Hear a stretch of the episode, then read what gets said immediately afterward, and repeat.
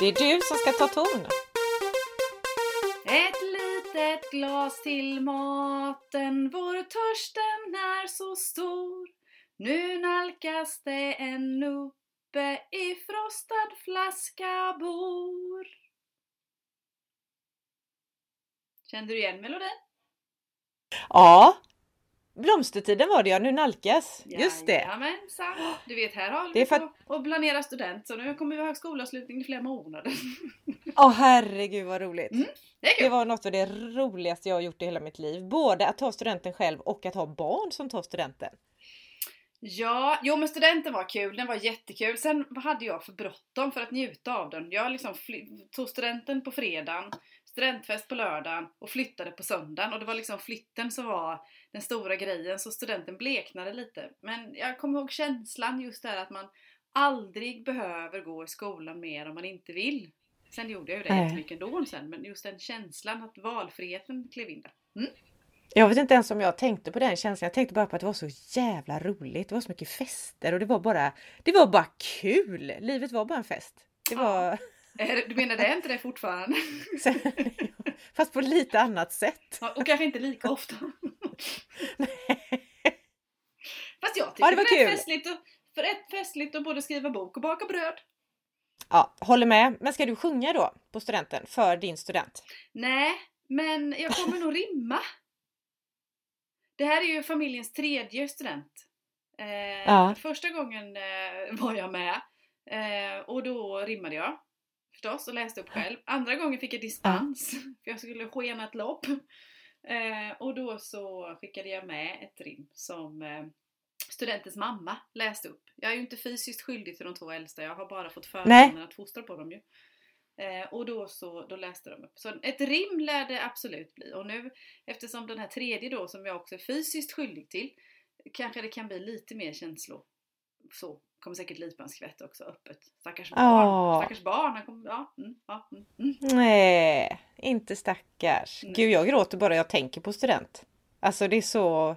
Jag vet inte vad det stora är, det är men eh, det är stort. Jo men det är ju en punkt, det är ju en liksom Eh, är inte studenten också egentligen ett större kliv in i vuxenvärlden än vad kanske 18-årsdagen eller något annat är? Ja. Jag tror det. Det är det nog. Ja, ja. Stora steg, det är nästa, ja. nästan som att eh, ge ut en roman. Absolut! Ja. det är större att ge ut en roman. ja, faktiskt. Mm. Nej, nu ska vi inte förta festen för studenter. Utan, men det är jädrigt stort att ge ut en roman och vi håller ju på, vi håller på att baka bröd här mitt i allt eh. Mm. Eller vi har ju eh, Våran romanskrivarprocess är ju ett enda långt brödbak och vet du vad? Du vet förra avsnittet när vi trasslade in oss i det här med herregud, vi måste ju ta oss vidare för det går ju inte att jäsa fler gånger nu så att är vi inte färdiga snart det brukar med ju, våran bok? brukar ju bara vara två jäsningar, åtminstone i de bröden ja. jag brukar baka. Har du, vad, vad har du Exakt. kommit på? Men då är det ju så här att när vi hade spelat in förra avsnittet då pratade jag med min mamma. Det var inte bara med anledning av det, jag pratade med henne ändå, men då berättade hon precis för mig så här. Hon hade ingen aning om vad vi hade pratat om utan bara Vet du vad? Nu har jag läst boken du rekommenderade och det var Eva Swedenmark och jag kommer inte ihåg vilken av böckerna det var. Men i en av de här böckerna, då är de i Italien. Och då äter de så himla gott italienskt bröd. Och då är det recept med på det här brödet, så det hade min mamma bakat. Men hon sa, det blev gott men det var så många jäsningar.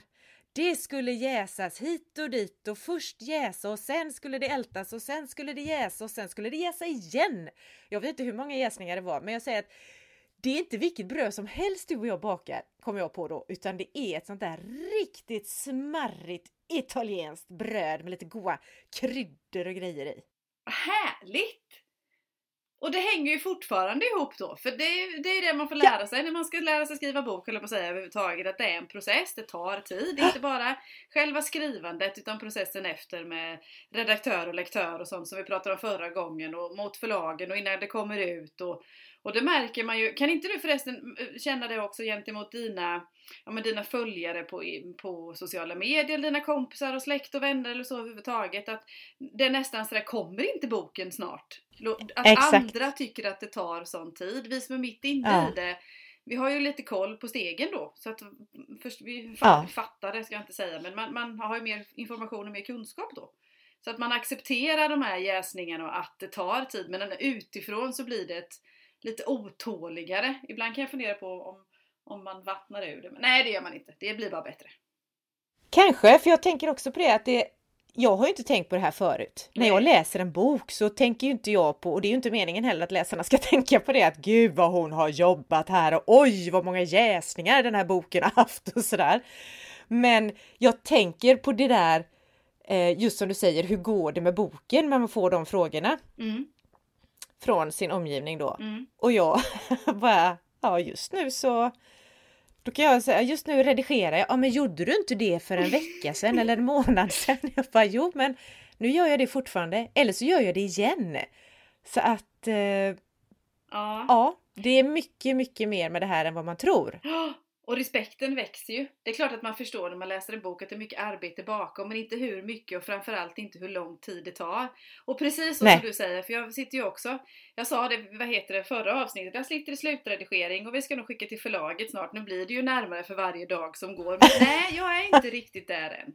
För för varje gång som eh, vad heter det, som Cecilia läser, redaktören, och som jag läser och går igenom så hittar man ju någonting litet nytt någonting annat ja. att skruva på och man vill ju att det ska bli så bra som möjligt. Sen är det väl en process att man måste komma till att good enough också förstås då. Ja, ja. nu är det hyst in i ugnen.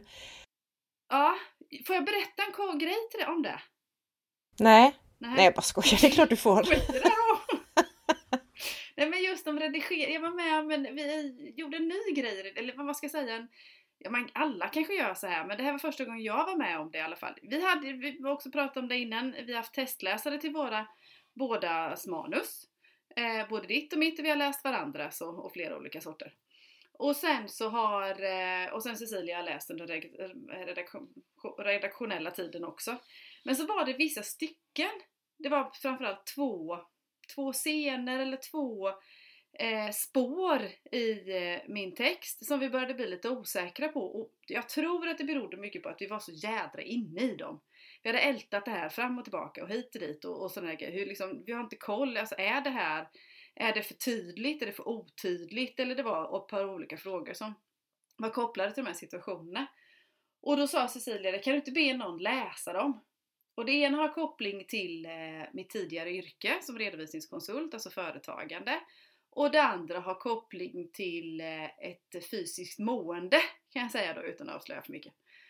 Eh, och då vill jag ju ha någon som kunde läsa, som kunde ta det här eh, neutralt, som inte hade någon förkunskap innan. Har jag förklarat det här för någon som inte har samma förkunskap som mig? Det var lite det som var nyckeln. Är du med på vad jag menar? Mm. Jajamensan! Fattas bara. Och då så, eh, och jag gick och, ja men så, jag, och så visste jag vem ska jag hitta då och så hit och dit och det var så svårt eller så då. För de flesta som jag känner har ju liksom lite mer, eller har koll på de i alla fall företagsbiten. Men mm. efter någon dag eller två så kläckte jag det att jo men jag har ju en svärdotter eller plastsvärdotter eller vad man ska säga då. Som är superduktig, smart, så.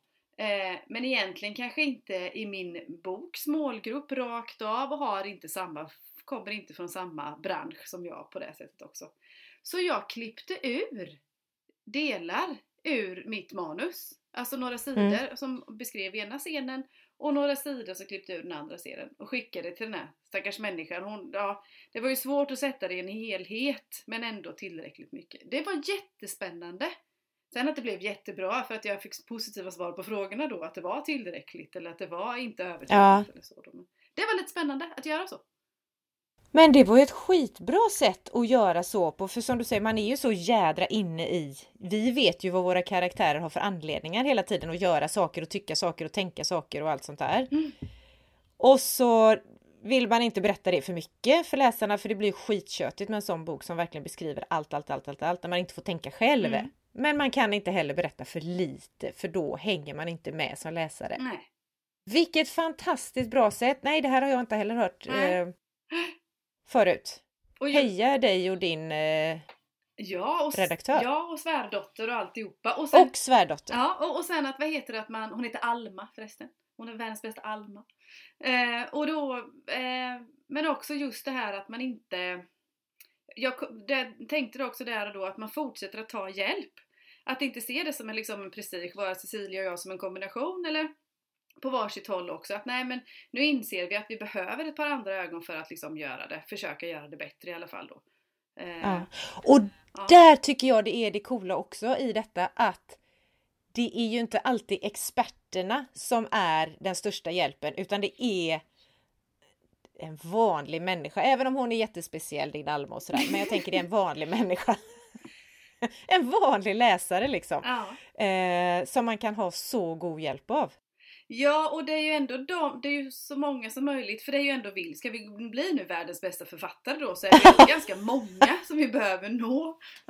Sen har vi inom, vi får väl säga världens bästa författare du, inom våra respektive målgrupper kanske. Du menar att det inte räcker med en som tycker att det här är världens bästa bok, utan det ska vara många som tycker att eller vad innebär det egentligen? Du tänker så? Ja men ja gud, då räcker ju med en. Jag tänker att, liksom, att det är många som tycker att det är bra och så lägger man ihop alla de bra så blir det världens bästa. Så du tänker kvantitet och jag kanske tänker kvalitet då? Ja det kanske det gör. Kvalitet är ju faktiskt bättre. Nej jag vet inte. Inget är bättre. Det kanske är båda. Ja, så många som möjligt ska tycka att den är så bäst som möjligt. Ja, men då, du, och, eh, och, så är det ju, det sa vi redan från början, att en av anledningarna till att vi skriver är ju inte bara för vårt höga nöjes skull, även om det kommer först och vi vill berätta en historia, det är ju att vi vill bli lästa också. Och då, men då vill vi ju att, vad heter att, i alla fall, man kanske inte behöver tycka att den är världsbäst, men att den i alla fall är helt okej, okay, eller bra, eller läsvärd, eller någonstans på skalan. Men att, ja. Nej men jag tänkte på det nu när du sa vi vill bli lästa. Ja det är klart som sjutton att vi vill.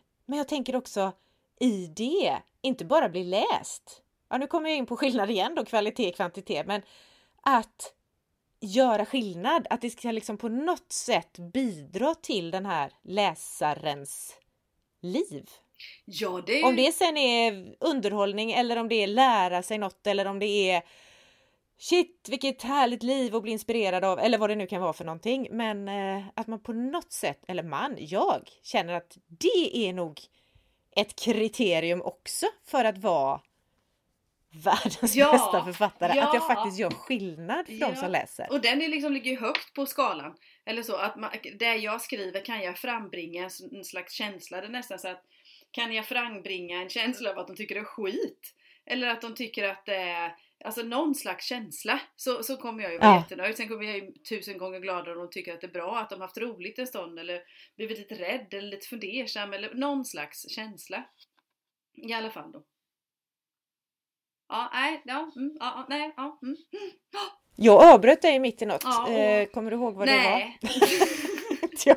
det är därför jag sitter, ja, mm, ja, mm, mm, det, du vet när man gör sådana här ljud, det är då vi tänker. Uh, uh, så. Ja. Mm. Men, men, vet du också att de ljuden är klassiskt manliga? För ja. att då vill man fortsätta ta utrymme i eh, församlingen liksom. Jag vill fortsätta ta min space. Så att om jag håller på, uh, då är det för att jag har inte kommit på vad jag ska säga men jag har säkert något skitbra att säga så kom inte här och avbryt mig utan... Uh... Du behåller ordet alltså? Ja. Så har jag aldrig tolkat det. Och förresten tycker jag att det är, i, min, i, min, i, min, i min värld är det nog fler kvinnor som gör det. ja. Strunt i det. Jag återkommer till tanken med läsare. Jobb! Det var jobb, nu kommer jag på det. Det här med att ja. dela, eller man vill att någon annan ska läsa delar eller ha testläsare eller på så. Och det är ju för att det ska bli så bra ur läsarens synvinkel inte bara ur min, utan läsarens vinkel växer ju längre fram i processen. Där. Det var det jag skulle säga. Ja! Men det är ju fantastiskt, vilken, eh, vilken grej! Mm. Det är coolt. Det är coolt. Allt för läsarens bästa, det är precis som när vi driver våra företag. Allt för kundens bästa. Ja, Precis. Sen får det aldrig vara på bekostnad av någonting. Alltså har jag, har, det kan ju inte ändra ihjäl berättelsen för att eh, eh, fem personer tycker någonting annat utan det ska ju ändå utgå ifrån mig och det jag vill berätta. Men kan, kan jag hjälpa till att berättelsen eh, tas emot på ett enklare, trivsammare, spännande, alltså på ett annat sätt. Så det är väl klart som sjutton att jag ska försöka göra mitt bästa. Ja! Så är det. Jag har en fråga. Mm. Har du någon reflektion under temat Fan, det skulle jag ha sagt? Ja, den nya programpunkten menar Ja. du? Precis. Du, jag har en grej som jag har tänkt på. Den kanske jag har gått och tänkt på så himla länge så det var nästan så jag glömt av den. Men fan, jag tänkte på det när vi pratade om det här med namn. Det var inte förra avsnittet, det var några gånger sedan. Jag kommer inte ihåg när det var.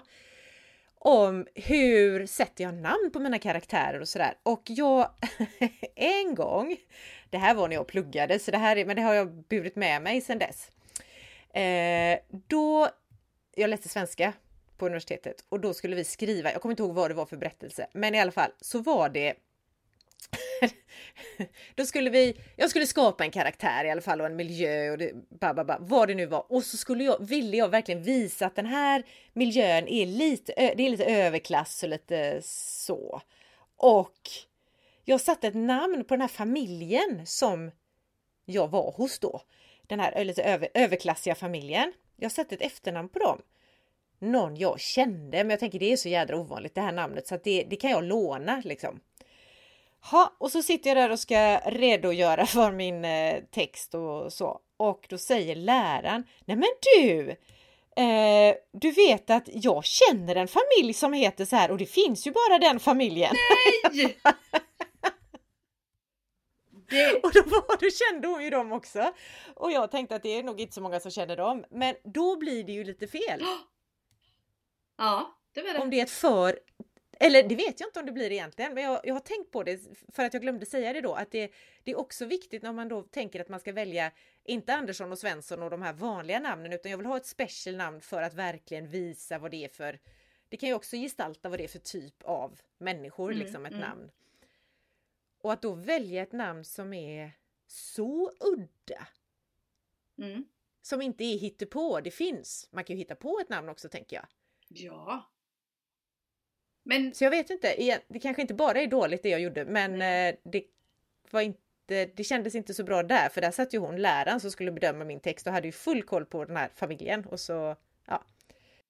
Men, men var det något negativt du hade skrivit? Det var liksom min första fråga, min tanke liksom. Du skrev väl inget dumt? Alltså lite både och kan jag tänka. Det gör man ju för sig om en karaktär eller en person. När man berättar något, förhoppningsvis så får man ju med båda vinklarna då. Ja. Det är, väl, det är väl därför det står liksom i många böcker att eh, eventuella namn, fiktiva liksom, händelser är författarens ja, på. ja, visst. Men jag tänker, är det så här, är det igen då det här lagom är bäst på något sätt? Förmodligen. Att... Det tror jag. Det var det jag har tänkt på. Jo men alltså jag, jag tror jag fick en kommentar bara, när du säger det, bara några veckor. Eh, jag hoppas inte det var en kompis. Jag hoppas inte du har använt mitt namn på någon elak person. Eller så. Precis. Och, roliga... och, då heter din kompis kanske så här typ Anna eller något sånt här jättevanligt ja, namn. Och då precis. är det inte... och, då, liksom, och, då, och då visste jag ju att ja, men personens namn har jag använt. Nu är personen inte elak i boken eller så också men oftast, det var som när vi det avsnittet vi diskuterade namn också, så väljer man ju någonting som man känner representerat eller är generellt eller kan koppla till en känsla för att jag, då har jag ju verkligen utgått ifrån mig själv. Jag vill ha ett namn för att jag ska liksom kunna koppla en känsla och kunna försöka känna hur känns det här? Och då, för då är det lättare, kan jag koppla namnet med känslan, det är lättare för mig att förklara det på så vis. Ja, precis. Är det. Mm. Men du, ja. vet du vad? Mm. Nu tänker jag så här, nu har vi gjort så som jag gör när jag skriver. Jag skriver mig in i berättelsen. Massa lullull innan. Dagens tema ja. på avsnittet. Ja. Vi har inte riktigt kommit dit än. Nej. Ska vi ta det nu eller? För dagens tema är ju Hur gör vi då?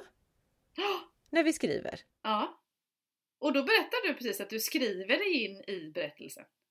Ja, men det har vi redan berättat. Det har vi redan berättat. Gör jag tänker mer så här, hur gör vi? Hur gör du när du skriver? Alltså hur ser en skrivdag ut? Hur sitter du eller står du? Mm. Ska jag berätta det? Dricker du kaffe eller te eller ingenting? Ja. Ja, jag tycker du ska berätta. Ja. Jag gör som när jag dammsugar. Okej, det låter ju inte så kul. Jo, det är roligare att skriva när dammsuga. Ja, för jag, det är nämligen så att jag får erkänna någonting helt. Jag, jag kommer ut nu helt enkelt ur garderoben. Mm, så. nu Malin vet vad jag ska berätta. Jo, det är så att när jag dammsugar, då dammsugar jag i fyrkanter. och så. Det är helt jag dammsuger i fyrkanter, möjligtvis, och alla fyrkanter det är ju både kvadrater och rektanglar då. Så, för jag förstår inte riktigt hur man vet om man har ett golv eller så. Hur vet man var man har varit annars?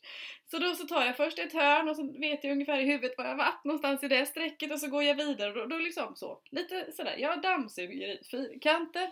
Du menar... Och sen när jag berättade det här för dig första gången då, då reagerar du exakt likadant som du gör nu. Och jag är helt övertygad, klart att man dammsuger i fyrkanter. Malin, du menar på att folk gör inte så här? Men jag vet inte hur folk gör, men jag kan säga så att jag gör inte det i alla fall. Jag dammsuger. Ja, okej. Okay.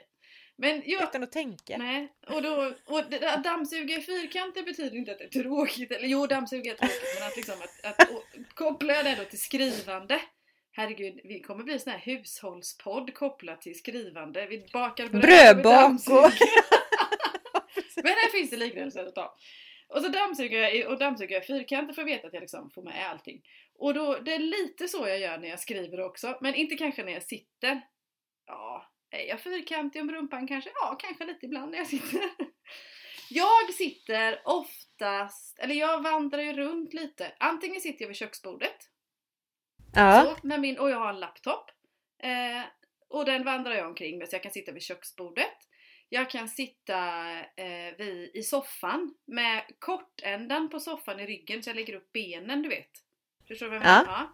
Eller Jajamän. ska jag sitta, för, som jag sitter nu, vid ett skrivbord och så skriver jag på så vis då. Har... Det är inte så noga för dig var du sitter Nej. men ändå är du fyrkantig. Ja, det är inte det. Fyrkantigheten kommer, vänta lite ska du se. och då så, vad heter det, nej så då, då sitter jag där. Så kaffe möjligtvis och vatten har jag med mig. Och telefonen som, eh, den är alltid med. Jag, jag kan distraheras en minut eller två, så kan, jag kan hoppa lite fram och tillbaka på det sättet.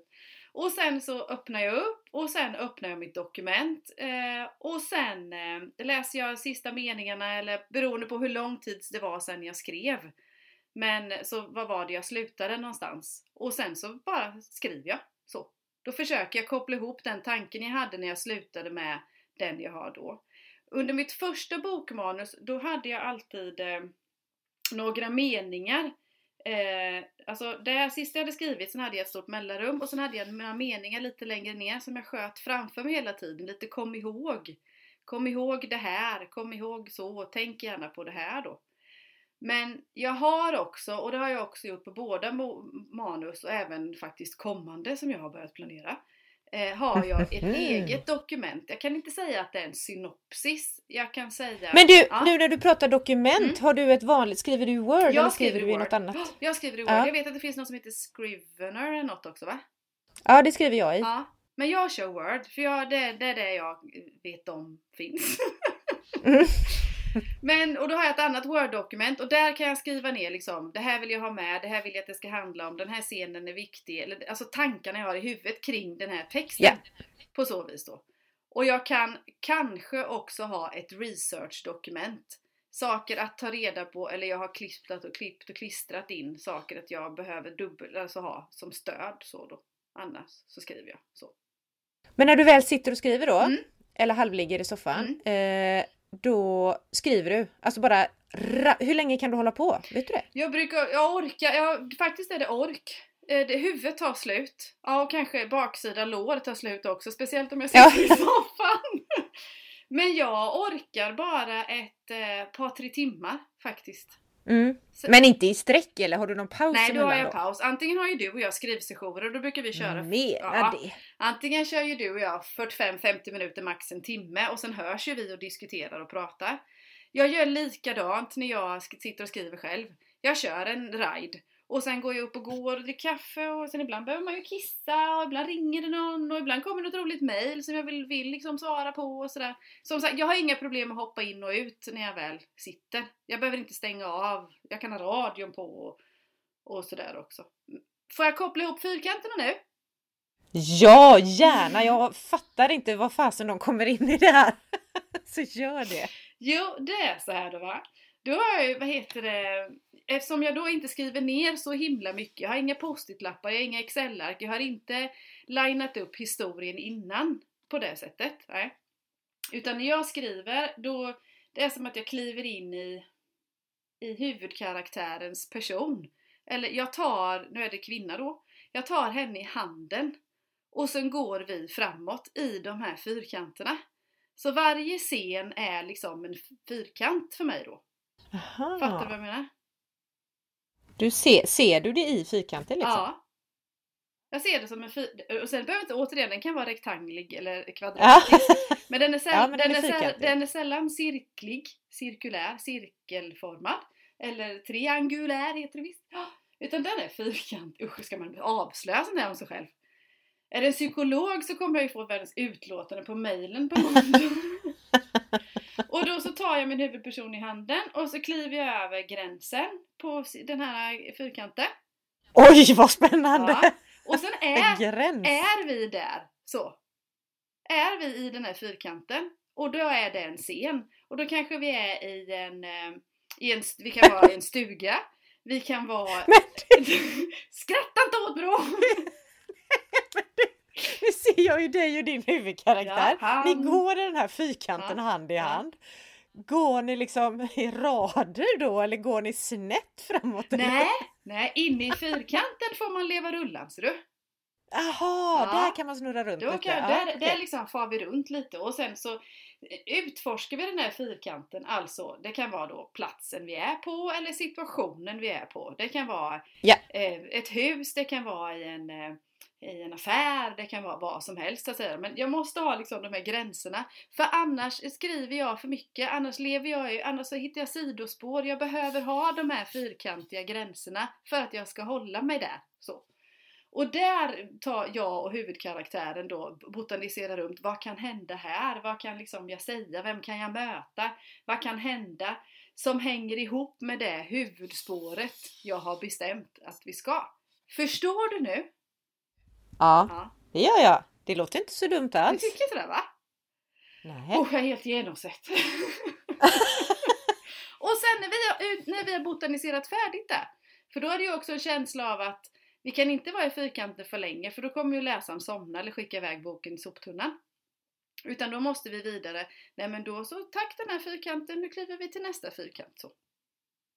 Jaha, är det ingen öppning mellan fyrkanterna? Eller är det sådär, så slutar ett kapitel eller en scen och sen så är det BAM! Så börjar man nästa. Ja, typ. Utan, inga transportsträckor emellan liksom utan bara ja, kör. Ja, typ så. Sådär. För de transportsträckor som de är emellan, alltså nu är fyrkanternas vad heter det, linje då är inga höga murar utan det är ju en röd tråd som ligger på marken. Så man bara kliver över dem så det är inga problem. det är svårt. Så. Vad skönt att du inte bygger murar runt de här fyrkanterna. Jag tycker inte om murar, jag tycker om gränser, jag, vet, jag tycker om saker och liksom att jag vet vad jag har förhållande till. Du, det var... Mm? Precis, det var det jag tänkte på när du började prata om de här fyrkanterna. Att oavsett hur man gör mm. så tror jag att det här frihet under ansvar på något sätt, att vi mm. behöver ha en inramning mm. oavsett om ramen är en fyrkant eller en eh, synopsis eller alltså att man har skrivit stödord eller vad sjutton det kan vara. Så någon form av ram, mm. även om ramen inte måste vara fyrkantig då utan det kan vara liksom en linje eller det kan vara en, det kan vara en cirkel också. Det beror på hur man ser på tillvaron tänker jag. Ja. Men, eh, mm. Tycker du att jag har en kant? Tror du att jag har en kantig syn på tillvaron? Svara inte på den frågan. Nej. Men du, hur gör du då? Och vad heter det kan vi ta sen. Ja. Mm. ja, förlåt. Hur jag gör? Mm, hur gör du? Eh, rent fysiskt mm. eh, när jag skriver ja. så eh, Alltså det här är så jädra sjukt också. När jag skriver skönlitterärt, mm. då sitter jag gärna, då knör jag med brorsan, min hund du vet, i kökssoffan till exempel, har världens sämsta arbetsställning, mm. rent fysiskt så. Ostbåge. Där kan vi sitta och knö. Jag, jag kan sitta på, inte så mycket ostbåge, men jag kan liksom sitta på huk i soffan, jag kan sitta på knä över köksbordet. Så, Skojar du? Och sen, och så klappar jag hunden mellan varven då för han är med och knör där. Så att knör han då blir det inte ostbåge åt framåt utan det kanske blir ostbåge åt ah. sidan och lite sådär för att ja, han är gärna med. Anyway. Eh, ofta kökssoffan faktiskt har det blivit. Det för att då kan jag titta på havet samtidigt. Ja. För det var en sån här, du vet, åh, sanddröm liksom. Tänk att sitta och skriva en roman och titta ut över havet. Och därför sätter jag mig i soffan. Men det är när jag är i hittepåfasen. När jag liksom ska redigera eller göra något sånt här lite mer fyrkantigt då, mm. som jag kan tycka. Då, då är jag på mitt hemmakontor. Aha. Då är jag liksom vid den stationära datorn och då känner jag det lite mer ordning och reda. Du ser ju hur jag gör med mina händer ja. nu, det kan inte lyssnarna se, Nej. men jag gör liksom gränser med händerna och då är det så här, ja men ordning och reda. Men då står jag ofta upp och jobbar också. Jaha. Ha. Fråga mig inte varför. Utan det har bara blivit en sån här grej och nu känner jag på något sätt att det hänger ihop. Att ska jag hitta på då är jag lite mer free. Eh, ja, ja, ja, ja, ja. Lös och ledig eh, och så. Och jag skriver ju i princip alltid i världens skönaste kläder. Alltså jag skulle inte ta på mig så här kostym tar jag väl aldrig på mig i och för sig, men det är verkligen så här mjukiskläder. eh, när jag skriver. Fast det gör jag med. Det hör jag gör. Det gör jag med. Det är ju hemarbetets eh, baksida kan jag säga som kommer då från en bransch där man eh, engagerade sig jättemycket i kläder och tyckte det var jätte, kände aldrig som ett tvång eller så. Eh, men engagerade sig mycket i kläder och, och, och, ville vara, se vetig ut som jag tyckte var vetig. Andra kanske inte gjorde det men det skiter väl jag i. Men alltså som jag tyckte att jag såg vetig ut och det är det som, det är så. Så när jag är hos kund en gång i veckan är ju veckans höjdpunkt när jag ska klä på mig. Nu ska jag försöka jag engagera mig i detta faktiskt. Hitta lite bekvämare fast snygga skrivkläder. Tänkte du på det? Snyggmys! Snyggmys ja! Ja. tänker, tänk, har du sett Queens Gambit? Jajamän! Tänk när du vet när hon går hemma där eh, i sina små platta ballerinaskor. Nu ska jag inte ha skor för jag tycker inte om att ha skor inomhus. Men vad heter det? I lite smala slacks du vet och sen en liten tunnstickad tröja. Så, och, fast jag ser resår i midjan då förstås. jag ska säga ja. Eller Audrey ja. Hepburn. Resår i midjan. Mm. Du, resår i midjan kanske är det som är grejen. Tror det. För Ja, det är skrivarmåstet mm. på något sätt. Det det. så att man kan röra sig. Ja. Och jag tänker också att det är sådär, för då kan jag resa mig och göra ja. mina pausgympa övningar ja. och sträcka på mig och röra på mig och sådär. Men det här, men jag kommer nog inte så långt så att jag kommer fixa håret varje dag, men vetigare kläder skulle jag behöva. Men det kanske också har någonting med det här skiten som flyger i luften och har gjort ett år också. Eller så gör. Men trodde du Innan du började skriva, eller du fantiserade om och drömde om att skriva, trodde du att det skulle vara så? Att du skulle, att du skulle sitta och se havet, och det förstår jag då att det, var, det, det fanns med i drömmen. Men att du skulle sitta i mjukiskläder och eh, på så vis? Eller hur, hur trodde du, du du var egentligen? Eller hur trodde du att andra gjorde? Alltså du, jag vet, jag har nog inte, jo men jag trodde nog att de, jag, jag, jag tänker nog att andra är lite glammigare. Mm de är lite snyggare mm. liksom, lite snofsigare så mm. än vad jag är. Men å andra sidan så tänker jag att det här, jag kommer ju från träningsbranschen liksom. Jag har ju rört mig i mjuka kläder i fan 20 år så att jag, ja, det är inte så stor skillnad från min vanlig, andra, andra vardag som var innan jag eh, gav mig in i lite mer skribent och kurser och föreläsningar och sådär. Mm. Så att, eh... Jag trodde nog det, det var liksom mer mer, eh, alltså jag såg liksom någon här helt svartklädd, så gärna polo, alltså ah. den här kopplingen till det konstnärliga. Att, Ett glas rödvin också, svart polo. Ja, cigaretter också.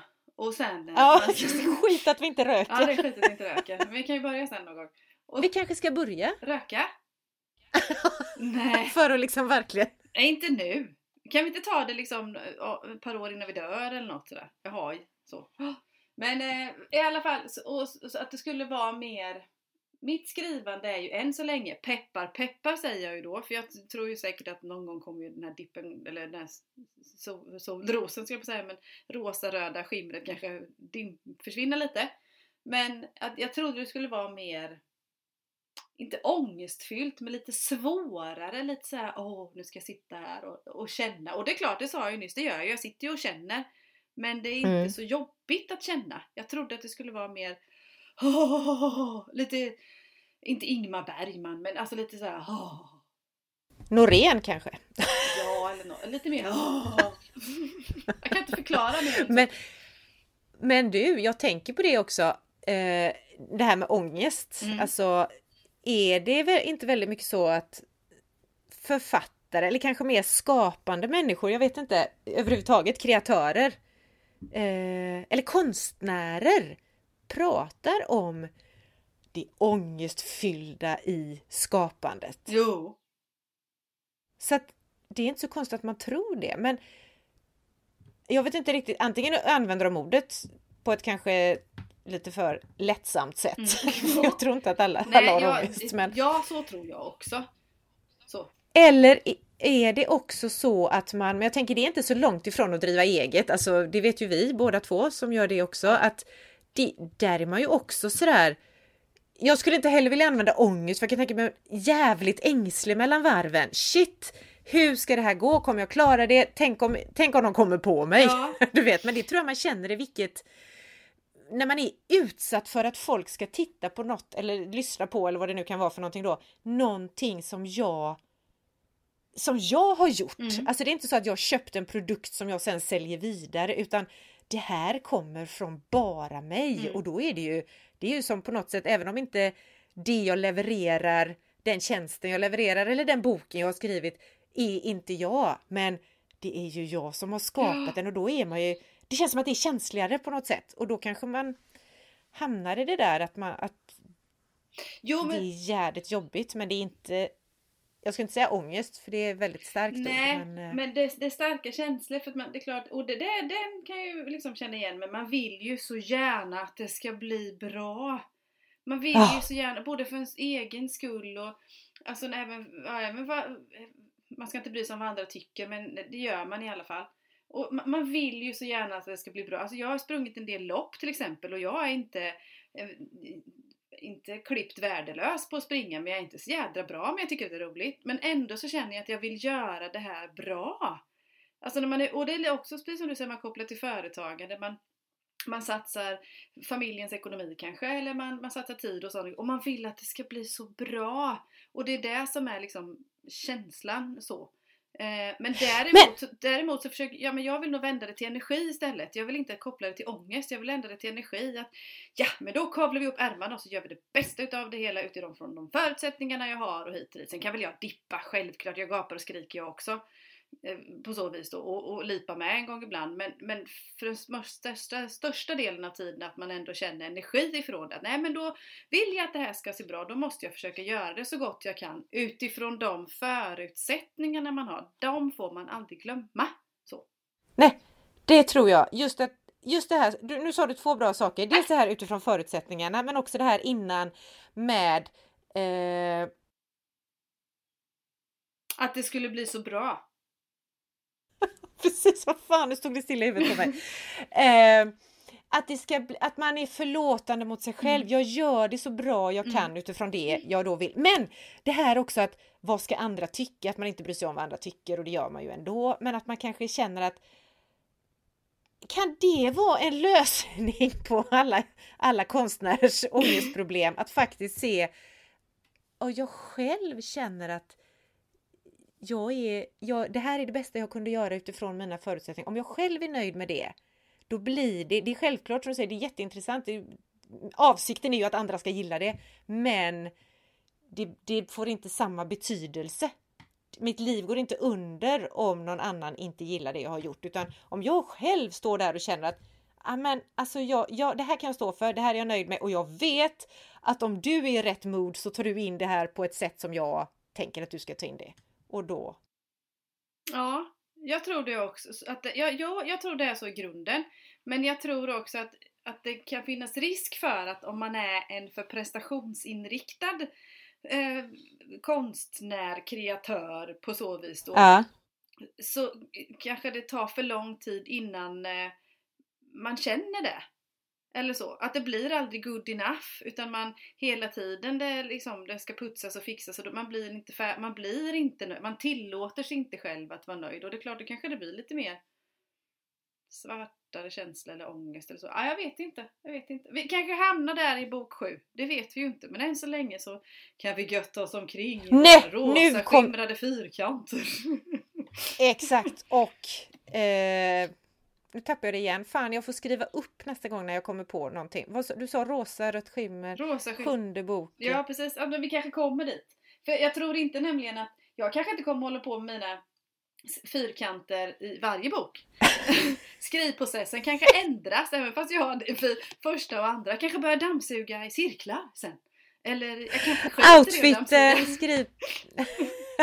Kläderna, skrivprocessen, ja. allt ändras hela tiden. Det är ju det enda man kan vara säker på. Och man kan vara säker på att vi kommer uppdatera vad heter det, våra poddlyssnare om detta också på vägen. Så. Så. Men ja, jag tycker vi, ja.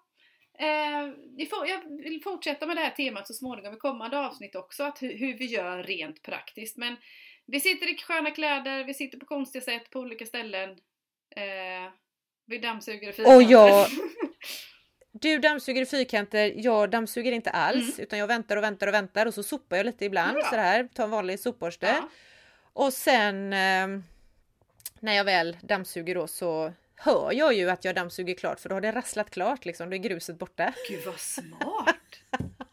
Gud Men jag tänker på fyrkanterna. Jag kör istället en, inte linje, utan jag har typ punkter som jag känner att men de här vändpunkterna vill jag ha med innan jag, alltså inte inför varje gång jag skriver, men jag vet i det stora hela. Här har jag vändpunkter som jag vill ha med i boken. Det här ska hända, de stora dragen.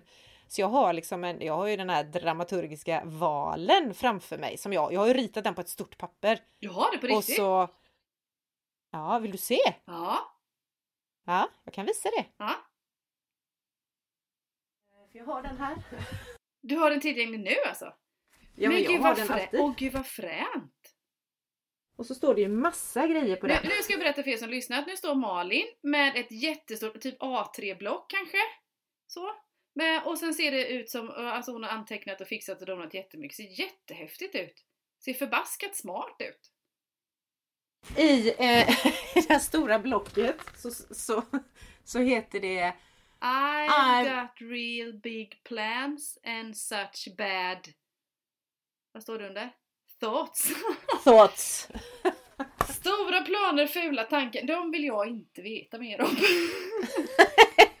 Vi kommer inte berätta allt i podden. Nej. Men eh, så gör jag. Så inte så mycket fyrkanter här utan mer lite lullull men ja. eh, en kurvig linje på vägen som jag ja, följer. Ja, mina vändpunkter kommer jag ju på på vägen i respektive fyrkant vi kliver in i då. Men som sagt, det, och det kan ju vara, det har jag också läst om andra författare att de började mer egentligen ostrukturerat så, så som jag, att man, man jobbar fram saker och ting på vägen. Som då har skiftat så småningom till att bli mer strukturerade. Kanske till och med skriver sammanfattningar inför varje kapitel innan man skriver färdigt dem. Man skriver scener i korta ord innan man har börjat skriva dem och sådär. För att det blir bättre eller så. Då. Men det, det får tiden utvisa hur det blir. Så vis. Ja. ja, det blir spännande. Böcker blir det, bröd blir det. Oavsett. Böcker och bröd och dammsuget blir det ibland ja. på ett eller annat sätt. Ja, ja, ja. men bara för att jag dammsuger i fyrkant är inte säkert att jag gör det så ofta. Det har jag inte sagt. men när jag väl gör det så gör jag det. Ja. Men du, eh, jag vet ju det att våra lyssnare de har skitmycket att göra. Ja, jag med. Och vi har böcker att skriva. Men jag vet också att, att de vill ha eh, svar på en fråga. Oj! Mm. Vilken är det då? Har du läst något på länge? Ah, ja, jag läser ju mest hela tiden. Nej, det gör jag inte för jag gör massa annat också. Men eh, ja, jag har läst. Eh, jag har läst. Eh, kan du börja berätta så ska jag komma ihåg vad den heter? Ja, för jag har konstaterat. för du har säkert också ja, läst. Ja, jag har läst. För jag har konstaterat att jag har läst för lite. Eh, här om året så fick jag ju tips om en app för att hålla reda på hur många böcker jag läser. Och då insåg jag att ja, men jag lånar nästan mellan 80-100 böcker om året. Alltså ett par i veckan så då. Men eh, i år så snittar jag bara någon i veckan och det, det retar mig lite faktiskt. Det är en liten tagg så. Att det inte blir fler böcker lästa. För du är inne på kvantitet igen, att det är det som är grejen? Ja, men det är för att det, ja, jo, det är lättare att förhålla mig till siffror. nej, nej, nej, men jo, nej, men inte för att jag tycker, jo, men det är för att jag tycker om att lägga tid på att läsa. Men att ha de där förbaskade skärmarna, det är ju också kul när man hittar rätt eh, serier så. Och titta, liksom ja. lägga tid på. Men det är också kul. Gud, Även ja. fast det blir plattare så är det kul. Men, ja, det blir det. Ja, jag vet inte om jag men, ska engagera Då är mig. frågan, nu, om vi nu struntar i att du inte läser så himla många böcker ja. och, och, pratar om vad har du läst? Mm. Jag har läst Museet för krossade drömmar med Elisabeth Buchen, eller Bucken, Buchen, Buchen så. Och, Ut, utgiven ja. av Sekva förlag. Eh, våran bokklubb, vårt litterära sällskap, kommer den ifrån. Eh, är, eh, vi hade genomgång på den igår. De allra flesta tyckte den var superbra. Jag tycker att den är bra. Eh, jag tycker att den, men inte mer än så handlar om kopplingar till kalla kriget eh, och dess uppslösning i slutet på 80-talet. Paris, Tjeckien, Berlin, hoppar lite fram och tillbaka, där en kvinna har startat ett museum som heter Museet för krossade drömmar och som också kopplat till hennes eget liv. Jag tycker kärlekshistorien i den får lite för stor plats om jag ska vara så. Istället för den här eh, politiska eh, situationen, hur den påverkade människorna. Men läsvärd, absolut. Mm. Ja. Vad har du läst? Tack för tips. Varsågod. Jag har läst Det som ingen ser. Heter den. Eh, Susanne Hudén heter hon som har skrivit den och Susanne är från Göteborg precis som jag. Så att vi har träffats och varit med i samma antologier så att när hon gav ut en roman då, based on a true story, så kände jag att det är klart som tusan att jag måste läsa den. Vad kul! Oh, och den är ju så jädra läskig för att den handlar om en eh, kvinna som är gift med en eh, psykopat och så är det barnen och så hur han behandlar dem och också det här hur man ser hur den här kvinnan då hur man får följa hur hon steg för steg faller för hans ja, men hur han vänder henne då till att allt är hennes fel och hon är bara fel och kass och ful och, och du vet sådär. Ja, det är så jävla utstuderat elakt liksom, men hon beskriver det. Jag tycker hon, hon gör det bra för att annars kan man bli så här lite väl frustrerad över att, men vad fan! Har du, liksom, kan inte någon... Har du boken framför dig? Ja. Den ser ut så, ja, eh, ja, så här. Eh, och ja, det var ju löjligt att säga ja, att den ser ut så här i en podd där ingen kan nej, se. Jag kom på det också. där ingen kan det var, se. Jag kom att tänka på en liten, Men det är, ja. Framsidan är ju faktiskt, det betyder ju mycket också tycker jag, omslag på böcker. Men det kan vi komma tillbaks till en annan gång. Men eh, det som ingen ser av Susanne Hudén och den är just att den är också baserad på verklig berättelse mm, mm. från Susanne mm. själv då. Så är det ju extra intressant tycker jag. Jag har två vänner som har varit ihop med varsin psykopat och hur man såg hur de då mm. runt omkring, alltså vad som hände med dem, där de slutade vara sig själva liksom. Det är så hemskt. Och det, svå det svåra med att vara runt mm. omkring mm. och inte kunna mm. göra någonting. Så att, äh, den, den var eh, klart läsvärd, absolut, och skriven på ett ja, men sådär bra som jag tycker att det inte är för mycket lullull runt omkring nej. då utan det är... Ja. ja. Ja. det finns mycket nötter där ute. Det kan man säga. Ja, men att det gör. tack och lov är vi fler som är, som är snälla människor. Så. Ja. Vi är snälla du och jag till exempel. Och, och vi är så snälla så att vi eh, kommer återkomma. Och då har jag räknat ut att det ja. är typ sista april. Valborg! Nästa avsnitt, Valborg, snapsvisa, ja det ska bli urspännande och vad detta ska leda till. Mm? Herregud! Jajamän! Men eh, jag är nöjd, är du nöjd? Ja, ja, herregud. Ja. Nu får vi fortsätta skriva. Ja, men det gör vi. Det ska jag göra. Så du, du har det gött på Kjell Knippla, du Malin Lundskog. Eh, och du, Silla Ingeborg, som du heter på Instagram. Mm. Eh, Cecilia Andersson, ha det gött i Smålands djupa skogar. Så ses vi om två veckor. Vi. Hejdå! Ha det gött. Hej! Med bild